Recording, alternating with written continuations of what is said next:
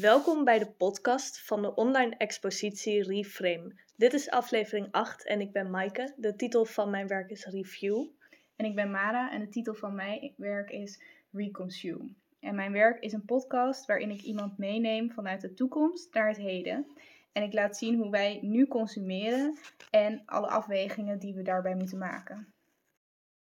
Mijn werk gaat over de Oer-Hollandse verjaardagskring.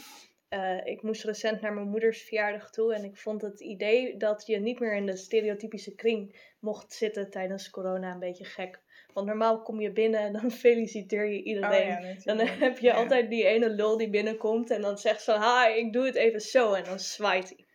Oh, en drie zoenen mag natuurlijk ook niet meer. Drie zoenen mag inderdaad natuurlijk ook niet meer.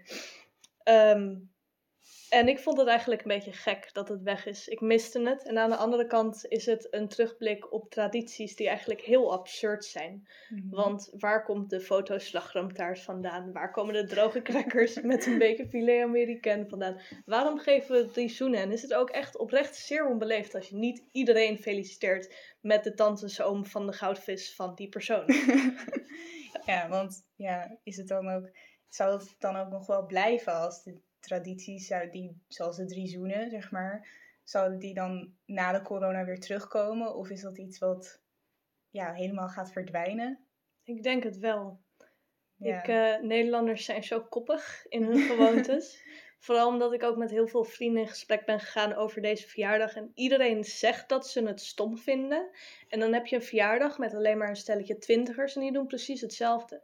Die gaan ook in een cirkel zitten en schuiven de woonkamermeubels aan de kant om een kring met stoelen te maken. Ja.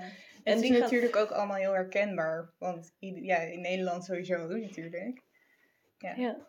Ehm, dus het is momenteel uh, de vorm van het boek een soort absurdistische kijk op onze gewoontes. Een blik van uh, buiten naar binnen. Want het viel mij op dat niemand doorheeft dat we het doen, totdat je ze erop wijst dat we het doen. En dan is iedereen zo van: oh ja, het is eigenlijk wel een beetje gek hè, die Nederlandse kringverjaardag. Ja, dus wat je eigenlijk laat zien is dat je, dat je naar de gewoontes kijkt vanuit een heel ander standpunt. Ja, dus de sociale contexten. Ja, en niet vanuit een heel ander standpunt, maar je kijkt naar de sociale context vanuit uh, een andere blik van waar je normaal kijkt. Dus je zit er niet middenin, maar je kijkt een beetje vanaf buiten naar binnen. Ja, ja, precies. Ja, dat is eigenlijk wat ik met mijn podcast ook een beetje wilde doen.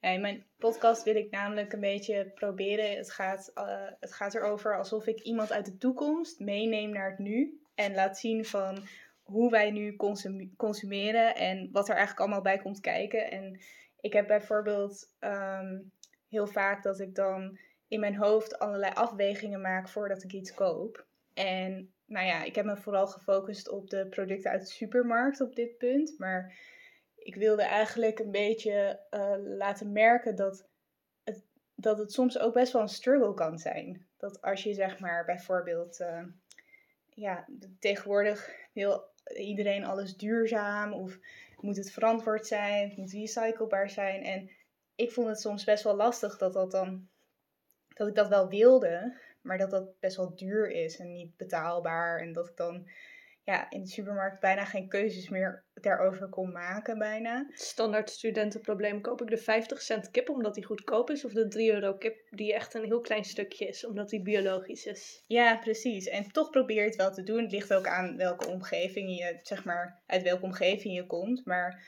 het feit dat je er bewust van bent, zeggen mensen altijd al van, ja, dat is al heel goed.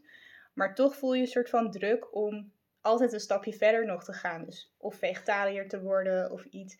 En dat is gewoon niet voor iedereen betaalbaar, vind ik altijd. En daarnaast ja, ben, je, ben je je zo bewust van alles dat je ook denkt van ja, maar is het eigenlijk überhaupt ook nog wel, als je vegetariër bent, betekent dat ook niet meteen dat dat, dat het oplost of zo.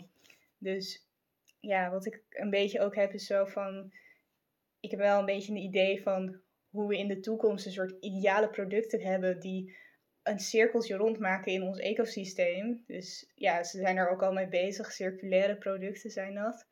Maar ja, ik vind dat dat is een soort idealistisch beeld natuurlijk. Maar dan zou je je eigenlijk helemaal niet meer druk hoeven maken over of je wel iets wel moet kopen of je iets niet moet kopen. Want alles is perfect. Ja, want alles is perfect. Maar ja, dat, dat is natuurlijk geen realistisch beeld. Maar ik vind wel soms, ik wilde wel heel graag laten zien wat voor struggle je kan hebben als je, als je inderdaad niet het geld hebt om duurzaam te zijn. Of als je niet het geld hebt om al je vlees biologisch te kopen, inderdaad.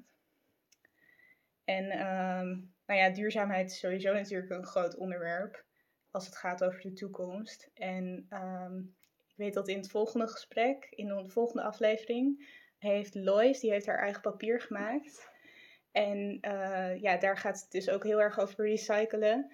En zij heeft een gesprek met Aisha en zij kijkt uh, met een nieuwe blik naar uh, de hedendaagse feminisme. Dus veel plezier met luisteren van de volgende aflevering.